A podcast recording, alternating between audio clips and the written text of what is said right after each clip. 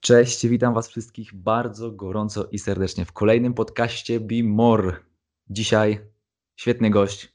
Uważam, że będzie to świetna rozmowa, bo tematy, które mamy do poruszenia, em, mogą dotknąć nas wszystkich i mogą otworzyć nam również na pewne sprawy oczy. Także wartość, mam nadzieję, że zostanie tutaj przekazana e, przez naszego dzisiejszego gościa, którym jest Franek Rumak. Witam Cię, Franek, serdecznie. Witam wszystkich bardzo serdecznie, fajnie. W ogóle bardzo dziękuję za zaproszenie do tego podcastu. Jest mi niezmiernie miło. Super. Dobrze, zaczynamy sobie od takich spraw bardzo, powiedziałbym, delikatnych, od takich przyjemnych, fajnych. Stany, Bahamy, ratownik. To jest, uważam, wielka, wielka część Twojego życia. Dużo o tym mówisz y, dzielisz się też tym wszystkim w swoich mediach społecznościowych. E, no i tak. widać, że to jest taka naprawdę bardzo, bardzo e, duża część ciebie, twojego życia i twojej tożsamości, twojej osobowości. I chciałem zapytać o to, jak to się w ogóle zaczęło na samym początku ta przygoda z ratownictwem e, i dlaczego tak daleko to zaszło, że te wyjazdy, no Stany, Bahamy, wiesz, dla osób, które tutaj mieszkają u nas, to jest coś wręcz powiedziałbym niewyobrażalnego, aby sobie takiego Baywatch zgrywać na, na plaży właśnie w Stanach czy, czy na Bahamach, gdzie no wiemy jak to wszystko wygląda, ale właśnie też chciałem zapytać później o to, jak to wygląda od tej takiej prawdziwej strony, a jak od tej, którą my widzimy powiedzmy sobie na pięknych obrazkach czy na filmach. Tak zacznijmy sobie od samego początku. E, no powiem Ci, zaczęło się bardzo standardowo, tak jak praktycznie u większości dzieciaków. Po prostu tata napisał, zapisał mnie na naukę pływania jakoś tak, nie wiem, miałem smykałkę w ogóle do tego pływania, szybko jakby awansowałem, bo e, była taka hierarchia, wiesz, zaczynało się od pierwszego toru, gdzie uczyłeś tak naprawdę się dmuchania do wody, wiesz, takiego typowego obycia w wodzie, później drugi tor, coś tam zaczynałeś pływać, trzeci, czwarty tor to już był taki dla super zawodowców, nie, my tam mieliśmy po, nie wiem, 6-7 lat, nie, ale wiesz, jak ktoś był na czwartym torze, no to był w ogóle kot. E, no jak tak szybko poprzeskakiwałem te wszystkie tory, później zacząłem pływać gdzieś tak na jakichś zawodach, później trafiłem w ogóle do klubu, się nazywał Rekin Wrocław. To było pływanie w takiej monopłetwie. Jedna duża płetwa na dwie nogi. No nie, pływało się tak jak po prostu e, syrenka, nie? Jak syrenka, tak. Tak, z rękami złączonymi. Mieliśmy taką rurkę, która nie była jakby z boku, tylko z przodu, żeby po prostu być bardziej opływowym. No i się tak pływało długie dystanse tak naprawdę. Zaczynało się tak naprawdę od małej pięćdziesiątki, 50 metrów, a kończyło się na kurde 1600, nie? Więc y, fajnie było i wiesz, i ciągle to, ciągle po prostu syrenka. Y, później jakoś tak mi się to znudziło. Wróciłem do normalnego, klasycznego pływania do Juweni Wrocław, ale jakoś tak y, jakby ja chodziłem do gimnazjum swojego, a chodziłem jakby na zajęcia sportowe do gimnazjum sportowego i tam dzieciaki miały mm, zajęcia jakby rano i wieczorem czyli dwa razy dziennie mieli trening, ja chodziłem tylko wieczorowo, no to wiadomo, przyszedłem jako jeden z lepszych, ale już tak po dwóch, trzech, czterech latach byłem ten jeden z gorszych. prostu... Brakowało jednak, brakowało jednak tych takich dwóch treningów dziennie. No, podobnie no. było u mnie, też gdzieś tam grałem w piłkę e, na Śląsku i również te dwa treningi dziennie, e, kiedy to było już powiedzmy sobie bardziej profesjonalne, robiło różnicę, nie? Tak, robi to no, niesamowitą różnicę. Jednak jeszcze za dzieciaka to już w ogóle to wszystko potęguje, no nie? Więc yy, no tak jak mówię, do, przyszedłem jako taki jeden z lepszych, no ale już po paru latach trochę mnie yy, rówieśnicy odstawili. Yy, no i gdzieś tam jakby w środowisku tych pływaków zawsze był taki temat przewodni, że właśnie w ratownictwo iść, bo to no, fajne pieniążki, już można było wtedy chyba pracować od 16 roku życia, więc wiesz, dla 16-latka jak dostajesz, nie wiem, 1500 zł miesięcznie, no to jest mnóstwo pieniędzy, no nie? Ja mówię, kurczę, no jestem po prostu królem życia wtedy. I tak zacząłem sobie pracować. Tata mnie trochę jakby przycisnął, żebym faktycznie zrobił te papiery, bo to wiadomo, to jest taki jakby mm, wiek buntu, wiesz, wiek, że chce sobie się pograć. Tak, tak, tak. I tak nie do końca myślałem o tym jako, wiesz, jako moim życiu.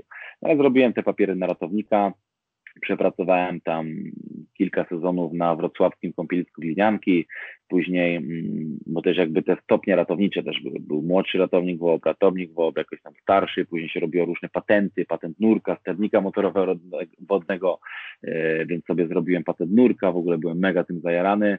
Mm, no i tak naprawdę pracowałem we Wrocławiu, no chyba sześć sezonów Na, na 100% 5, ale nie jestem pewien, czy nie 6. Pracowałem też na mm, wrocławskim aquaparku, nad morzem troszkę porobiłem społecznych godzin, więc ogólnie mi się podobał ten świat bardzo. No i jakoś tak było, że koleżanka mi powiedziała któregoś dnia, słuchaj Franki, jest opcja, żeby wyjechać do Stanów i tam popracować jako ratownik. Ja mówię, ja pierdzielę, wiesz, Stany, Ameryka, ja mówię, ja to... Mindfuck, mindfuck, nie? Tak, ja mówię, wiesz, po angielsku w ogóle nic nie mówię, no nie? I mówię, ale kurczę, tak się rozmarzyłem. Mówię, dobra, czemu nie, zróbmy to. No jakoś tak się okazało, że ta koleżanka odpuściła temat, bo to w ogóle bardzo skomplikowany proces był. Trzeba było być studentem, bo wyjazdy były na wizie J1, czyli to jest taka wiza studencka z pozwoleniem na pracę taka typowo sezonowa, no nie? E, trzeba było jakieś tam mm, robić papierki typowo właśnie pod ratownictwo tam w Stanach Zjednoczonych, bo oni nie akceptowali e, naszych e, jakby mm, naszych papierków odnośnie ratownictwa. Trzeba było znaleźć takiego jakby sponsora, który był mniej więcej pośrednikiem między Polską a Ameryką. Trzeba było ubezpieczenie zrobić, z pracodawcą pogadać, wiesz, wszystko po angielsku, interwiu przejść i tak dalej, i tak dalej. Więc taka procedura no, trwała tak naprawdę, zaczyna się już styczniu, a kończy się kurczę w maju, gdzie kolejny jest wyjazd, no nie, więc wiesz, parę miesięcy po prostu w laptopie, wypełniania papierków i tak dalej. Skomplikowana sprawa. Dla gościa, który nigdy tego nie ogarnął, no idzie się mm, pogubić. Ale miałem trochę farta, bo namówiłem kumpla, e, który też angielskiego za bardzo nic nie kumał. Pływać za bardzo też nie potrafił, w sensie jeżeli chodzi o takie typowo ratownictwo, wiesz, bo pływanie takie klasyczne to jest swoją drogą. A jeżeli chodzi o ratownictwo, no to jakby zupełnie inna bajka, no nie? To tak jak skok w dal i skok w wyż. zupełnie co innego. Tak. Więc go namówiłem, on jakoś tak się zmobilizował. No i dziwnym trafem okazało się, że jego tam starzy znajomi też lecą do Stanów. Więc ogólnie na wstępie mieliśmy taką fajną paczkę, pięć osób, wynaleźliśmy sobie domek, wynaleźliśmy sobie auto, wtedy nawet kupiliśmy to auto i no mieliśmy naprawdę fajny wstęp, bo niektórzy ludzie, którzy jadą do Ameryki, nie mają nikogo, tak naprawdę kończą gdzieś w jakiejś takiej klitce, wiesz, takie mm. typowo studenckie życie, tylko tak, w Ameryce. Tak. Mm, mm. Więc y, no trudno się jest odnaleźć, jeżeli nie masz gdzieś tam znajomych, którzy pomogą, którzy jakby znają się troszkę lepiej. Więc my mieliśmy to szczęście, że akurat ktoś nas wziął pod skrzydła i mieliśmy super początek. No i tak naprawdę się to zaczęło 2014 rok. Mamy 2020, ominąłem jeden sezon, bo sobie połamałem girę. tak naprawdę no, sześć sezonów zrobionych mam. I mam no, nadzieję jeszcze jeden przede mną. No, no, no, już tutaj rozmawialiśmy w kuluarach, to, to mówiłeś, że, że wybierasz się również e, w tym roku, aby tam e, pracować, pomagać i no ja mam nadzieję, że wszystko wypali, wszystko będzie w porządku. Tutaj troszkę ubiegłeś mnie z moim pytaniem właśnie, jeśli chodzi o ten proces takiej całej rekrutacji yy, na ten tak wyjazd. Ja się rozgadam. E, spokojnie, okej, okay, to widzisz, idziemy podobnym torem, bo właśnie chciałem tutaj o ten, o ten proces rekrutacji, ale mm, tak jak gdzieś tam myślałem, na pewno te pierwsze razy nie są jakieś łatwe, nie? Żeby, żeby to wszystko pozałatwiać. Na pewno wiesz, piąty, szósty, siódmy raz to już jest yy, tak. po prostu załatwianie formalności, nie? Ale na początku. Faktycznie tak jak do domu, no nie? No, no, no, no. E, ale przejdźmy sobie teraz do tego, jak tak naprawdę wiesz, ta praca e, i to życie tam w Stanach, gdzie, gdzie ty byłeś, e, wygląda od takiej kuchni, od tego takiego e, real life, a nie od tego, co, co my widzimy gdzieś tam na, na filmikach, na, na Instagramach, na pocztówkach, czy na jeszcze innych gdzieś tam w telewizji powiedzmy, nie? Jak to tak naprawdę tam, e, tam jest? No powiem Ci tak, to był taki mój, e, mógłbym powiedzieć taki drugi w życiu, taki duży game changer, bo wyjazd do Stanów otworzył mi oczy tak naprawdę no, na cały świat. Zacząłem po prostu inaczej postrzegać e, dużo różnych rzeczy. No i tak jak mówisz, że mm, to, co widzimy na Instagramie, to, co widzimy w filmie, no to jedno, to, co jest naprawdę to drugie. No tak. i faktycznie, no, e, lecąc do Ameryki, no musisz się mm, liczyć z tym, że zawsze jesteś obcy. No nieważne, co ci mówią, że jesteś tu zatrudniony, że masz takie same prawa jak Amerykanie i tak dalej, i tak dalej, no to zawsze jesteś tym obcym. Może to się tak nie odczuwa, jak, nie wiem, na przykład... Yy, osoba o ciemnej karnacji przyjedzie do Polski, no bo wiadomo, tutaj troszkę inaczej, tak, inaczej tak, tak, na, no. na, taką osobę patrzymy. W Ameryce no jest duża mieszanka ludzi, więc tak naprawdę e, wszystkie kolory skóry, jakby, no ludzie są bardziej tacy otwarci, bardziej mili, tacy przyjaźni, że nie ma problemu z takimi jakby freakami. E, no ale wiadomo, no jesteś w obcym kraju, jesteś troszeczkę skazany na siebie. E, jeżeli masz farta, tak jak my na przykład i się dołączyliśmy do chłopaków, którzy bardziej ogarniali, no to jest super, bo sobie wynajmujemy mieszkanie, y, te mieszkania naprawdę nie są drogie, a są w bardzo wysokim standardzie, więc y, tutaj bym nie narzekał, ale jeżeli nie masz farta i na przykład y, pracodawca oferuje tobie mieszkanie w tak naprawdę takiej samej cenie, gdzie ty możesz sobie na własną rękę wynająć. O wiele gorszy standard pewnie, nie? Dokładnie. I to są mieszkania takie, gdzie mm, jest mały domek i na przykład w jednym, mieszka w jednym pokoju jest, y, są trzy albo cztery łóżka. Czyli wiesz, mieszkasz z trzema y, współlokatorami w jednym małym pokoju. Jedną kuchnię, a w całym domku jest załóżmy 8 osób, jedna lodówka, wiesz, jeden telewizor, wspólne miejsca, jedna mm, e, pralka i tak dalej. Wszystko trzeba po prostu połączyć, więc y, to jest taka szkoła przetrwania, bym powiedział, mm, w innym kraju, z, jakby z większymi możliwościami, no i koniec końców, no naprawdę każdemu polecam taki wyjazd, bo mówię, no mnie nauczył życia bardzo dużo, nauczyłem się też angielskiego, nauczyłem się takiego właśnie obycia w świecie, że e, teraz nie, nieważne gdzie pojadę, czy to jest Ameryka, czy to jest, e, nie wiem, Chiny, czy z Wrocławia do Warszawy, w którym i tak metro inaczej funkcjonuje, bo we Wrocławiu nie mamy, to wiem, gdzie po prostu pójść, zapytać, przeczytać i tak dalej, umiem się po prostu odnaleźć. Przed wyjazdem do Ameryki byłem taką trochę ciapą, że gdzie nie poszedłem i mówię, kurczę, no nie wiem, nie wiem jak to zrobić. Tak trochę się zamykałem w sobie. Teraz mówię, no dobra, zaraz kogoś zapytam, kto, ktoś zaraz mi coś powie. Nie? Tak, myślę, że tego typu przygody uczą bardzo takiej zaradności życiowej.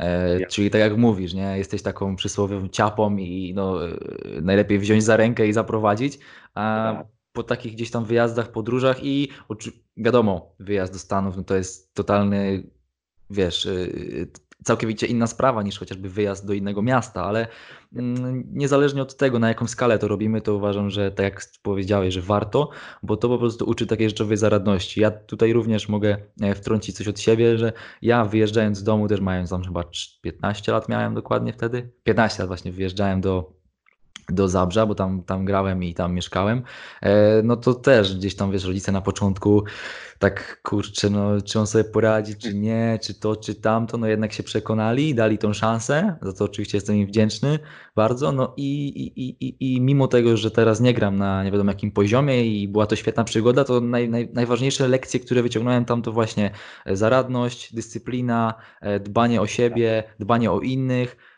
nawet takie rzeczy jak pranie, sprzątanie, gotowanie samemu sobie, bo tam również później mieszkając z opakami musieliśmy robić to wszystko sami, bo nie było tam mamy, tak. kucharki, sprzątaczki i tak dalej. Nie? Także to na pewno jest świetna lekcja z tego typu y, przygód życiowych. A no powiedz... i to, co właśnie powiedziałeś, no? że skala, no nie, bo tutaj właśnie skala robi niesamowitą różnicę. Tak, Kiedyś, tak, na pewno, na pewno. Z czekami, to wiesz, dla nas pójście na inną dzielnicę to był, wiesz, przedsięwzięcie na cały dzień, kurde, tak. podróż, podróż życia, tak. nie? Później, wiesz, inne miasto, nie? Później inne, inny kraj, później inny kontynent. A teraz tak naprawdę jakbym miał polecieć w kosmos, no to już nie robi dla mnie takiego wrażenia, nie? Że no, jakby no, no, ta skala jest trochę, trochę już tak, poznałem tego. No, no, no, to był od razu taki, wiesz, y, o wiele, o wiele większy krok, nie? Wyjazd gdzieś do, tak. do właśnie Stanów, które są, wiesz, do, do miejsc, które są oddzielone tysiące kilometrów od swojego gdzieś tam e, rodzimego miejsca, nie? A powiedz mi, czy ty wyobrażasz sobie w ogóle tam takie życie na stałe, żeby tam zostać, żeby tam, nie wiem, no po prostu ewentualnie założyć rodzinę w przyszłości i tam po prostu być, rezydować?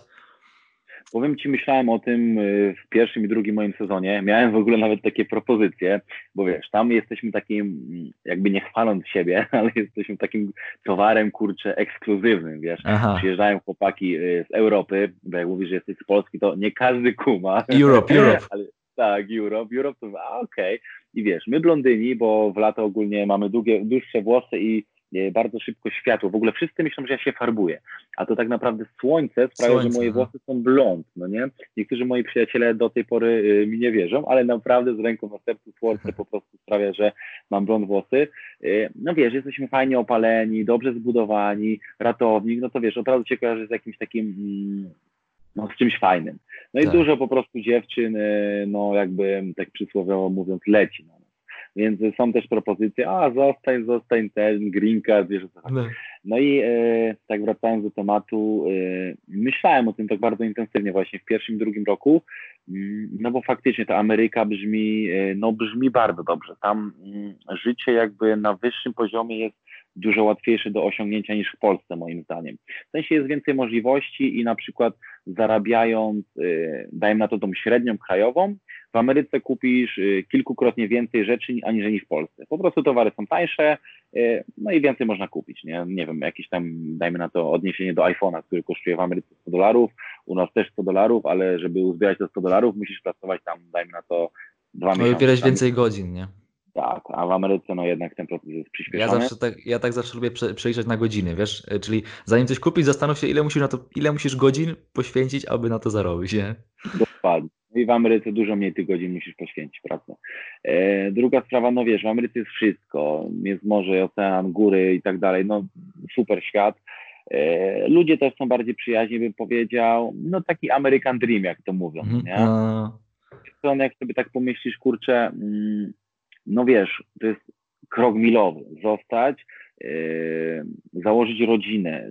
No po pierwsze z kim tą rodzinę? Z dziewczyną, którą tak naprawdę poznałeś na wakacjach, wiesz, byłeś na imprezie, no kurczę, nie wiem, nie dla mnie, no nie. Druga sprawa, mm, no jakby ten świat jest zupełnie inny, mentalność Amerykanów jest zupełnie inna niż Polaków, więc y, mam kilka, o kilka osób, które tam żyją już y, no ponad 10 lat i mówią, że w dalszym ciągu nie mogą się jakby tak przestawić, wiesz, na myślenie, że no jednak trzeba zdać sobie sprawę, że te dwa światy są inne, ale z drugiej strony mam też y, znajomych, którzy mówią, że nie są w stanie żyć w Polsce. Więc tak naprawdę to zależy. Ja na przykład bardzo jestem przywiązany do osób, bardzo jestem przywiązany do mojej rodziny, więc yy, jakby trudno by mi było chyba tak na stałe wyemigrować gdzieś do Ameryki i w ogóle się odciąć tutaj od moich znajomych, wiesz? Więc na przykład, no to super brzmi. Druga sprawa jest taka, że mm, jak my jesteśmy na, na, na wakacjach, mamy całą ekipkę, wiesz, po prostu taki mm, no taki raj wakacyjny na ziemi, yy, gdzie mieszkamy razem, jakby jemy razem, trenujemy razem, jeździmy do pracy, później gdzieś tam na golfa, na imprezki, więc tak naprawdę ten okres jest super. No ale później jakbyś miał zostać, ci wszyscy twoi znajomi, wiesz, tak jakby bracia wracają do Polski, no to znowu jesteś tam, no i już nie ma takiego klimatu, jak był wcześniej. Yy, no, myślałem, ale wydaje mi się, że bym się jednak tak nie odnalazł, wiesz. Najbardziej mnie co przekonuje, to jest po prostu klimat ten, że po prostu tam jest słoneczko, przyjemnie, fajnie. Mnie w Polsce naj, najbardziej dołuje to, że jest zima i po prostu ja w zimę mam stres. Tak, to mam podobnie bardzo. No więc ta zima jest takim, kurczę, czymś, co mnie mm, z tego kraju tak trochę wypychało wcześniej, i faktycznie no już byłem prawie jedną nogą w Stanach i prawie mówię, dobra, zostaję to wszystko, mieszkam tutaj. No ale jednak e, te bliskie mi osoby, no jednak są tym takim, mm, tym takim elementem, który zawsze mnie tutaj ściąga z powrotem. No, taka kotwica, nie? Taka kotwica, tak. która tu zawsze gdzieś tam jest, jest na, na dnie i, i trzyma. Całkowicie, całkowicie to e, rozumiem. Dobra, e, te fajne tematy mamy poruszone już, wiesz, tutaj American Dream, USA, Bahamy i tak dalej, yy, wiatr we włosach i fajne dziewczyny. Także cofnijmy się troszeczkę w czasie również do, do roku tam 2012-13, tak jak dobrze e, zresearchowałem i dobrze sprawdziłem. E, no i ten temat bardziej nieprzyjemny wyciągnijmy sobie na wierzch, czyli choroba, z którą wiele osób swoją potyczkę przegrywa, w Twoim wypadku było inaczej. E, jesteś tutaj teraz z nami i, i to jest, y, jest świetne. Y, no i takie moje pytanie na sam początek nasuwa się, jaka wiesz, była Twoja postawa od początku, kiedy Ty się dowiedziałeś? Jak się dowiedziałeś? Kiedy to było, w jakiej sytuacji? Jaka była Twoja postawa wyjściowa? Czyli czy była postawa osoby, kurczę, zrobię wszystko, żeby wrócić do pełni zdrowia, czy jednak były takie momenty zwątpienia typu, wiesz, no rozumiesz o co mi chodzi, nie? czyli były takie, takie momenty zwątpienia, że jednak może, możesz nie wyjść z tego cało. E, no to tak, to był rok e, tam 2012, tak jak powiedziałeś, jakoś e, końcówka wakacji, bo to chyba był sierpień, wrzesień, coś takiego. No i właśnie coś tam jakieś miałem lekkie objawy właśnie nowotworu. Ogólnie miałem nowotwór jądra to tak, żeby tutaj widzowie jakby weszli w klimat. No i miałem tak, że po prostu to jądro było mega jakby napuchnięte, bolało mnie, jakieś tam boleści miałem, promieniowało też mi na przykład do pachwiny. E, no i w końcu mówię, kurczę, trzeba pójść do lekarza, zobaczyć co w ogóle o co tu chodzi. No i pani gdzieś tam mnie skierowała dalej, tam ci mnie skierowali dalej, przypisali mi jakieś maści, ale powiedzieli, że trzeba zrobić jakieś tam e, badania właśnie w kierunku właśnie nowotworu. No mówię, okej. Okay. No i jakoś tak, w ogóle ten okres tak bardzo mało pamiętam, wiesz, pamiętam trochę tak jakby wstępne diagnozy, bardzo mało pamiętam. Nie wiem, czy po prostu mój mózg jakby wypierał w ogóle to mhm. wszystko, że coś się źle dzieje, czy ja nie zarejestrowałem, ale jakoś tak jest, że właśnie wracając do tego, no mamy tylko takie migawki, chociaż to było, wiesz, parę lat temu, nie? Więc bardzo dziwna sprawa. No i już też byłeś, no i... już też byłeś dorosły, co nie? W tym już, tak, już tak, wiesz, nie, że dzieciak, bo to jest w innym wypadku, jeśli ktoś jest dzieciaczkiem, to może tam nie pamiętać, nie? Jasne, pewnie. E, no i pamiętam właśnie jak dzisiaj, że faktycznie powiedziano mi, że e, mam nowotwór złośliwy, będzie trzeba wyciąć guza, e, na 99% będzie potrzebna chemioterapia i tak dalej, i tak dalej. I wiesz, najśmieszniejsze jest to właśnie, że e, lekarze mi właśnie tłumaczyli to e, jak takiemu, e, no niemowlakowi, no bardzo prostym językiem, a ja dalej za bardzo nie kumałem. No mówię, dobra, mam raka, ten, no okej, okay, okej, okay, no dobra. I tak mówię, kurczę, no trzeba coś z tym zrobić, bo nie wiadomo, czy, czy ja umrę, czy ja nie umrę. Ten tak niby wiedziałem, z czym to się je, a nie, niby nie do końca, tak właśnie jakby taka walka się odbywała w mojej głowie. No i pamiętam jak dzisiaj właśnie, że zadzwoniłem do mojego przyjaciela Bartka i mówię, Bartuś, y, chodź pojedziemy gdzieś tam na weekend do Pragi, nie? No wzięliśmy jakiegoś jeszcze innego ziomka, pojechaliśmy sobie do Pragi, trzy osoby, y, nie zabukowaliśmy hotelu, nic nie robiliśmy, po prostu spakowaliśmy się, wyjechaliśmy, spaliśmy w ogóle w aucie pod takim mostem. Taki typowy wariacki trip. Tak, typowy wariacki trip, pojechaliśmy gdzieś tam na imprezkę, pobawiliśmy się, y, no i wracając, ja powiedziałem właśnie tym moim dwóm przyjaciołom, że no słuchajcie, mam raka, będę szedł e, do, do szpitala, będę miał wycinanego tego raka, później będę mieć chemioterapię i tak dalej, i tak dalej. No wiesz, oni za bardzo nie dowierzali, ale w końcu mówię, no okej, okay, no to działamy. No i tak właśnie wracając do twojego pytania, no yy, trudno mi powiedzieć, jaki miałem, jakby, jakie było moje nastawienie, albo czy coś jedzie, nie wiem, czy karetkę słychać, czy nie. E, spokojnie, e... akurat klimatycznie, wiesz o co chodzi. tak, Trafili takie miałem nastawienie, bo to się zmieniało tak naprawdę kilkanaście razy dziennie, bym powiedział, że z jednej strony w jednej chwili chciałem być po prostu y, tym Frankiem, który pokona wszystko, później urośnie w siłę, wiesz, będzie przynosić góry, będzie motywować cały świat i w ogóle osiągnie sukces i tak dalej, i tak dalej. A z drugiej strony po chwili mówię, kurde, to już w ogóle wiesz, no ludzie nie dają rady, to jest w ogóle ten, po co w ogóle sobie robię nadzieję, nie?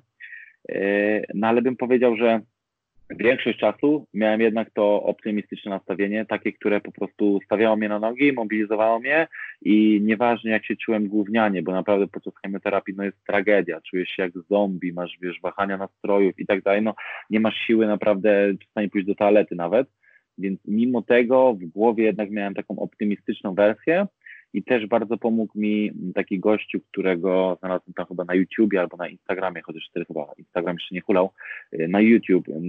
Nie umiem do tej pory wymówić jego y, nazwisko dobrze, ale się nazywał Zach Zaiter. Zaiter. To taki bardzo mm, też znany, tam pokazał swoją transformację gdzieś tam, jak się dowiedział, że ma nowotwór, tam w przeciągu kilku lat. No, na, na YouTubie tam ma miliony wyświetleń. No i mówię, kurczę, chciałem być kimś takim jak on właśnie, że przeżyje coś złego, później się odbuduje i właśnie będzie swoją jakby historią y, starać się dawać motywację i inspirować właśnie ludzi y, z podobnymi problemami. No i tak naprawdę przez ten cały okres, wiesz, leczenia, rekonwalescencji i tak dalej, y, głównie taka myśl przyświecała właśnie tym wszystkim mm, no, mi przyświecało. Więc e, głównie byłem optymistycznie nastawiony, no ale wiadomo, było mega, ale to mega dużo sytuacji, gdzie po prostu mówiłem, a szlak, to mam, mam to wszystko w dupie, nie? Wiesz, uważam, że w takich momentach tego typu fluktuacje, e, jeśli chodzi o nasz, nasz, nasze samopoczucie, nasz nastrój, nasz humor, to jest coś, coś całkowicie naturalnego i tak, tak koniec końców chyba chodzi tylko o to, aby pod koniec było więcej tych momentów wzwyżki niż tych, tych momentów takich y, dołowania się, nie? Czyli tak, taki tak. bilans zysków i strat, jeśli jest na plusie, to koniec końców wychodzisz z tego o wiele, o wiele e, silniejszy i, i właśnie możesz wdrażać tą twoją wizję e, każdego dnia, którą teraz uważam tak dość mocno e, propagujesz, o czym mówisz, też wiesz, bierzesz udział w, w, w mm, Cancer Fighters, tak, czyli czyli fundacja, która zajmuje się tego typu problemami, pomaga. Mm, no i jak uważasz, na ten moment realizujesz w pewnym sensie to, co sobie założyłeś podczas y, Twojej choroby, czyli to, aby właśnie mm, pomagać innym na tyle, na ile oczywiście możesz, aby nieść taką, taką, aby być takim powiewem, wiesz, y, pozytywnej energii dla tych, y, czy to młodszych, czy to starszych osób, które właśnie zmagają się e, z nowotworem. Powiem Ci, że chciałbym realizować to lepiej. I właśnie sam doszedłem do tego, mm, dajmy na to rok, dwa lata temu, że właśnie kurczę, nie jestem robotem i czasami poprzeczkę sobie stawiam za wysoko i nie jestem w stanie jakby e, nad nią przeskoczyć, ani nawet jej dosięgnąć opuszkami palców. Mhm. E, no i nieraz się właśnie jakby na tym łapałem, że mm, stawiam sobie jakieś cele, które są niemożliwe do zrealizowania. I e, kiedyś, kiedy właśnie jeszcze się mocno wkręciłem właśnie w sprawy sylwetkowe, wiesz, kulturystyczne i tak dalej, fitnessy, mm, chciałem wyglądać jak najlepiej i właśnie moim ciałem jakby mm, dawać to motywację. Później, gdzie o, osiągnąłem taką, dajmy na to, ponadprzeciętną sylwetkę, no bo tam małe otuszczenie, otuszczenie ciała było, gdzieś tam mięsień był fajnie nabity, wiesz, wyglądałem dosyć fajnie, to mówię, kurczę, chyba jednak nie o to mi chodziło, nie, że ta sylwetka jakby jest za mało, chciałem robić coś innego. No jeszcze przed nowotworem mm, byłem bardzo zajarany sportami walki, głównie MMA, bo tam długo boksowałem, później się przerzuciłem na MMA, no i strasznie byłem wciągnięty, no ale później był nowotwór, był długo, długa, długa, długa przerwa, później miałem jeszcze tam problemy inne, bo tam połamano mi nogę, miałem jakąś tam blachę w nodze, wypadł mi bark, bla, bla, bla, bla więc to po prostu MMA się trochę odwlekało. No i właśnie teraz tak pół roku temu, bo przeprowadziłem się do Warszawy, zacząłem trenować e, w WCA i jakoś tak e, to marzenie o, wiesz, o, mm, o realizowaniu siebie właśnie pod kątem gdzieś tam sportu walki wróciło. No i na ten moment chcę właśnie mm, w przeciągu tam dwóch, trzech lat gdzieś wrócić do fajnej formy albo w ogóle zbudować tę formę od nowa, gdzieś sobie zawalczyć, no i jak to mówią, klatka zweryfikuje, czy w ogóle mam jakiś tam potencjał, żeby być tym przysłowiowym fighterem, e, czy to w ogóle jest dla mnie sport, ale bardzo chcę. I powiem Ci, że właśnie dla mnie chyba czym bardziej czegoś nie mogę zrobić, bo wszyscy mi mówią, nie, no ty nie możesz być fighterem, tutaj tyle urazów miałeś, wiesz, wielka szrama na brzuchu, lekarze mówią, że ciosy w brzuch, no to nie za bardzo. I tak wszyscy odradzają i czym chyba bardziej odradzają, tym ja jeszcze bardziej się nakręcam, wiesz, i, i kurczę wiem, że mm, no jeżeli nie teraz, jeżeli nie spróbuję właśnie teraz naprawdę e, pójść w tym kierunku bardzo mocno, to za 5, 10, 15 lat będę mega zdołowany, że nie spróbowałem więc wiem, że teraz to jest ten czas, że muszę wrócić. Mm, no i bardzo się na tym fokusuję.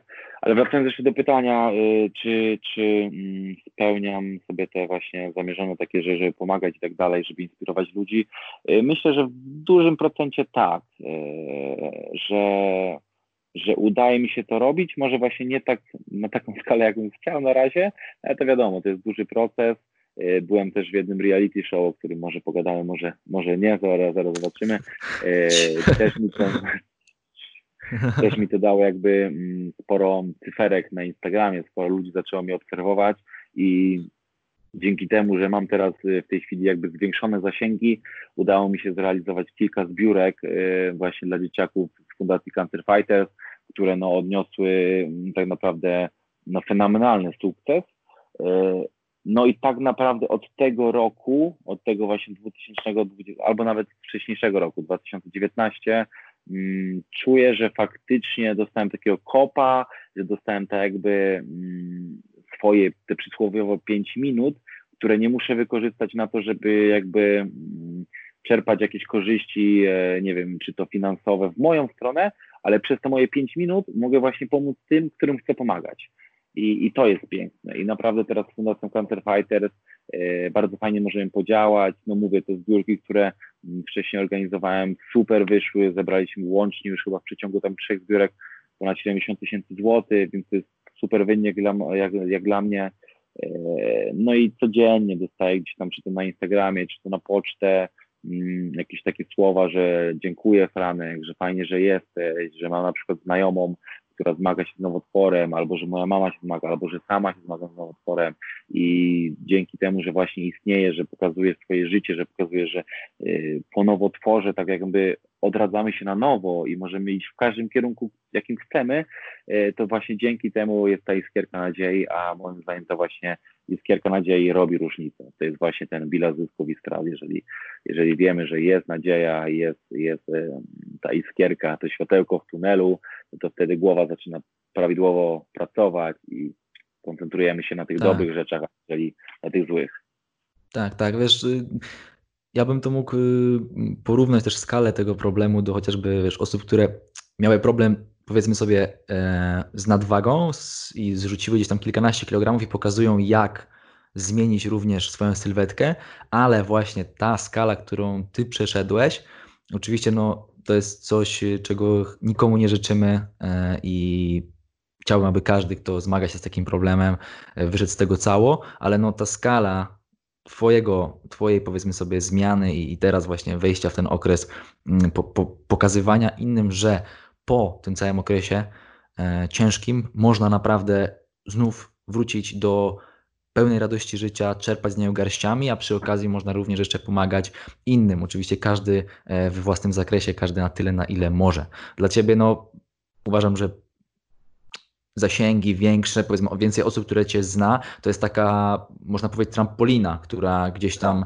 e, tą pomoc, y, skalę tej pomocy wystrzeliła troszkę bardziej e, w górę, nie? Ale powiedz mi, co zmieniło się w głowie w nastawieniu Franka Rumaka po tej całej, e, po tym okresie, po tym całym okresie, e, który no na pewno, w sumie nie wiem, czy na pewno nie wspominasz go zbyt mile. Coś tak naprawdę zmieniło? Czy zmieniłeś podejście do życia, do śmierci, szczególnie po takim, po takim czasie, w którym człowiek już y, gdzieś tam ociera się delikatnie o, o tą śmierć, czy coś się w jego umyśle, w jego głowie zmienia, czy on jakoś inaczej do tego podchodzi, czy jego obawy przed śmiercią są mniejsze? To jest bardzo trudne pytanie, ale mm, pytam o to też z uwagi na, na, na moją sytuację, ponieważ ja gdzieś tam w, ja akurat byłem bardzo młody, byłem dzieciaczkiem i miałem bardzo poważne oparzenie e, trzeciego stopnia. Teraz w sumie te blizny odzwierciedlają jakiś tam procent tego, co było na początku, ale również był taki czas, w którym już no, gdzieś tam jako dzieciak ocierałem się o, o, o te drzwi na drugą stronę. I ja do tego dochodziłem przez lata, bo po prostu tego do końca nie pamiętam. Mam jakieś prześwity, znam opowieści rodziców i tak dalej, ale sam tego do końca nie pamiętam. No teraz jedynie mam znaczki na całym ciele i to mi o tym przypomina ciągle. Ale dochodziłem do tej, do tej zmiany, do zmiany nastawienia ogólnie właśnie do życia, E, dochodziłem przez lata. Musiałem sobie pewne rzeczy przerobić i do pewnych rzeczy dorosnąć. E, no wiadomo, jak ktoś ma tam 12, 13, 14 lat, no to e, nie zastanawia się nad tym, tak? No mam jakieś blizny, ok, miałem to i tam, to dziękuję. Ale jak już ktoś ma 20, 22, 3 lata, to już zaczyna troszeczkę inaczej na to patrzeć i dochodzi do niego, ej, kurczę, stary, no mogło cię już tutaj nie być, nie? Także no. na, na co ty narzekasz? Na co ty powiedz mi teraz narzekasz? Masz, nie tak. wiem, masz, masz ręce, masz nogi, wszystko jest ok, możesz działać, a także bądź wdzięczny za wszystko, co masz, bo tak naprawdę mogło ciebie już tutaj nie być. Nie? Powiedz mi, jak, co tak naprawdę zmieniło się w głowie Franka Rumaka? No właśnie powiem Ci tak, e, wyjazd do Ameryki był takim moim jakby drugim game changerem w moim życiu, to właśnie choroba nowotworowa była tym pierwszym. I e, przed właśnie nowotworem ja byłem takim mega jakby imprezowym chłopakiem. E, nie patrzyłem tak jakby na nic. Mnie interesowało tylko, żeby się dobrze bawić, żeby przeżyć to życie, wiesz, e, no jak najprzyjemniej, nie wiem, jak, jak, żeby było jak najwięcej zabawy w tym życiu, wiesz. E, Jolo, nie?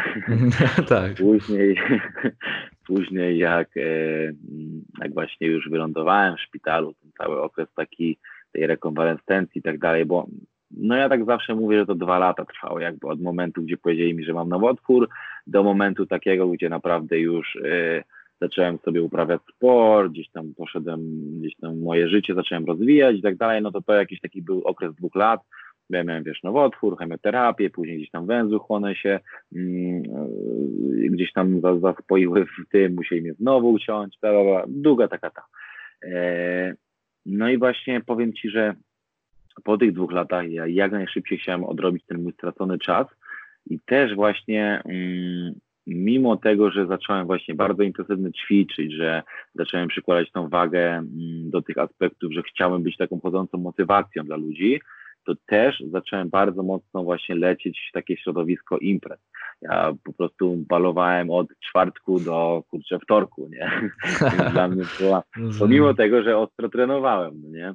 To i tak znajdowałem czas po prostu, żeby gdzieś tam y, iść na imprezkę. No i tak samo jak ty mówisz, że właśnie potrzebowałeś do tego dążyć, potrzebowałeś kilka lat, ta trwała taka jakby uzyskanie tak, tej takiej świadomości, pomimo tego, że byłeś właśnie no, dużo młodszy ode mnie, bo ja to miałem w wieku 18 lat, ja też potrzebowałem tego czasu, żeby właśnie sobie uświadomić, co się w ogóle stało, że właśnie jaka to jest, e, no jaki to jest, nie wiem, problem, jakie to jest po prostu e, istotna rzecz w moim życiu. E, I tak naprawdę ja do tego dojrzałem, nie wiem, może rok temu, może półtora, może w ogóle jeszcze nie dojrzałem i dopiero za dwa lata powiem, że dojrzałem, wiesz, teraz, nie? Tak, tak. Więc non-stop w mojej głowie to się zmienia. Ja na przykład paliłem bardzo długo papierosy i fajki rzuciłem, kurczę, no chwilę przed Sylwestrem teraz, no nie palę tam pół roku. I wiesz, ja na przykład mimo tego, że miałem raka, to ja dalej po tym raku jakby paliłem papierosy, dalej piłem bardzo dużo alkoholu, dalej coś tam złego robiłem, więc no mówię, musiało mi się to poukładać w głowie i no takie właśnie, takie dojście do tej świadomości zajmuje dużo czasu, ale najbardziej co mi się zmieniło to właśnie to, żeby mm, to, co powiedziałeś, żeby nie narzekać. Bo ja na przykład od momentu tego, gdzie wykryto u mnie raka, od momentu, gdzie wyzdrowiałem, nie narzekam w ogóle. Mnie coś boli, ja się połamię, ja ten, ja wiadomo, każdy tam powie, o kurczę, do dupy jest to czy tamto, ale ja nie mam tak, że nie wiem, obwiniam kogoś, albo że to jest nie do przeskoczenia. Wiadomo, lubię sobie powiedzieć, kurczę, chory jestem, jest, jest, jest lipa, nie? Tak. Ale nie biorę tego do siebie. I ja wiem, że teraz choćby mi ucięli nogę, rękę, cokolwiek, to i tak będę robić coś, żeby było jak najlepiej, a nie skupiać się na tych y, złych rzeczach. Więc to właśnie taka wdzięczność za to, że żyję, że mam właśnie dwie nogi, y, parę nóg, parę rąk, kurczę, wiesz, y, ładne oczy. Za to wszystko jestem wdzięczny i naprawdę mm, ja wiem, że w tym momencie ja nie potrzebuję jakichś nie wiadomo jakich luksusów, ja potrzebuję te wartości, które są dla mnie ważne, mieć w serduszku, żeby iść za głosem serca, żeby jakby działać e, zgodnie ze swoim sumieniem, to jest dla mnie najważniejsze, żeby się otaczać właśnie rodziną, znajomymi i tak dalej, ciężko pracować i później gdzieś ta ciężka praca, a jeżeli mi się uda, to te luksusy będą, jeżeli nie, to ja w ogóle nie mam z tym żadnego problemu. Tak jakby sobie przewartościowałem cały, cały mój świat, że nie dążę do osiągnięcia tam sukcesu w postaci, nie wiem, pieniędzy, sławy, bla, bla, bla, bla, tylko dążę do osiągnięcia sukcesu takiego, żeby właśnie żyć zgodnie z samym sobą, zgodnie z własnymi przekonaniami i właśnie, żeby nie być tym takim y, próżnym dzieckiem, które właśnie co chwilę na coś narzeka i obwinia innych i tak dalej, i tak dalej. Więc to głównie się u mnie zmieniło, że po prostu wiem, że sam jestem odpowiedzialny za swoje życie, y, no i nie jestem pępkiem świata. Dużo ludzi ma gorzej, a, a po prostu robią swoje i, i nie narzekają. Tak, tak. A, a, teraz jeszcze tak dochodzę do takiego małego wniosku. Tak rozmawiając z różnymi osobami, e, często właśnie ten taki wspólny mianownik, który daje jakąś zmianę w naszym takim mindsetie i w naszej głowie i w naszym podejściu do pewnych rzeczy, to jest jakaś taka bardzo no taka trudna sytuacja. Tak, taka bardzo drastyczna sytuacja, taka trudna sytuacja w naszym życiu, w której naprawdę ciężko jest się w niej, ciężko się z niej pozbierać, nie? Nie wiem, twoim zdaniem to jest to jest wymagane, nie da się inaczej, czy naprawdę każdy, wiesz, musi, nie wiem, się cholernie mocno poparzyć, mieć raka, nie wiem, być y, po prostu na skraju bankructwa, nie wiem, obojętnie co, ale czy to jest jedyna droga do tego, aby właśnie zmienić coś w swoim nastawieniu, czy czy można inaczej? Bo naprawdę rozmawiając z wieloma osobami, to jest ten jeden wspólny mianownik, który pozwala taką trampolinę, wiesz, zmiany e, wprowadzić. Jasne. Wiesz co, moim zdaniem nie jest to wymagane, ale jest dużo łatwiej. W sensie na przykład, e, tak jak mówisz, jeżeli ktoś otrze się o śmierć, nie wiem, dajmy na to, e, trudno mi coś przytoczyć, ale dajmy na to, nie wiem, głupi przykład, bo kurczę, Robert Kubica tutaj mi przychodzi, wiesz, jakiś hmm. śmiertelny wypadek samochodowy, nie? Dajmy na to, ta osoba już będzie bardziej uważać. Powinna przynajmniej, nie? A, Robert, Robert dalej akurat tam.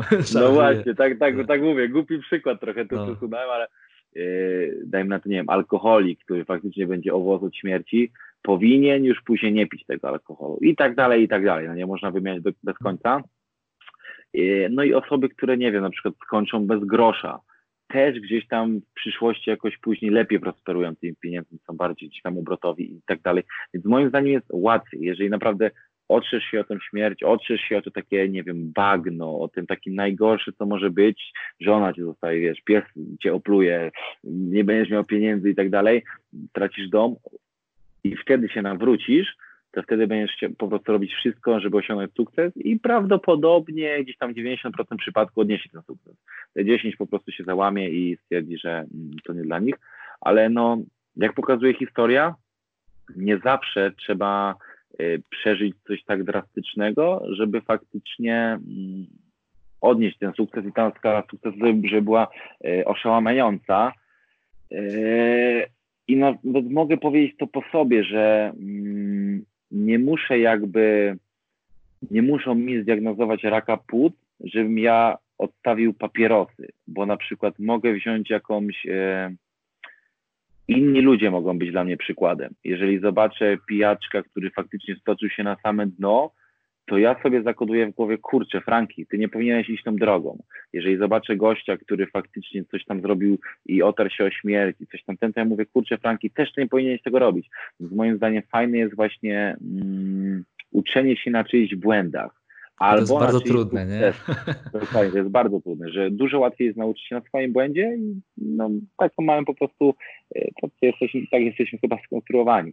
E, no ale właśnie oprócz tych błędów, żeby uczyć się na cudzych sukcesach, to jest też niesamowicie ważne, że nie tylko mm, jakby omijać te błędy, jak najdalej właśnie być od tych błędów, ale też, żeby się przybliżać do sukcesu. Jeżeli widzisz, że gościu na przykład robi to, to, to, to i to, i to przyczynia się, że został taki i taki, no to naśladuj go. Po prostu czerp te dobre mm, wzorce. Wiesz, te dobre przyzwyczajenia, tak, dobre wzorce. I moim zdaniem właśnie to, żeby odsuwać się od złych i przybliżać się do dobrych, yy, no jest tym takim czynnikiem właśnie, który zbliży cię do potencjalnego sukcesu. Więc tak, no, tak, no, łatwiej jest moim zdaniem. Dokładnie, uważam tak samo, że tak, jest, jest nam łatwiej jest nam łatwiej po prostu y, w ten sposób, nie? Niż y, kiedy wszystko jest u nas w porządku, to, to tak naprawdę o tym tak nie myślimy, nie? Dopiero wtedy, kiedy gdzieś tam coś nam się potknie noga, to zmieniamy nagle nastawienie.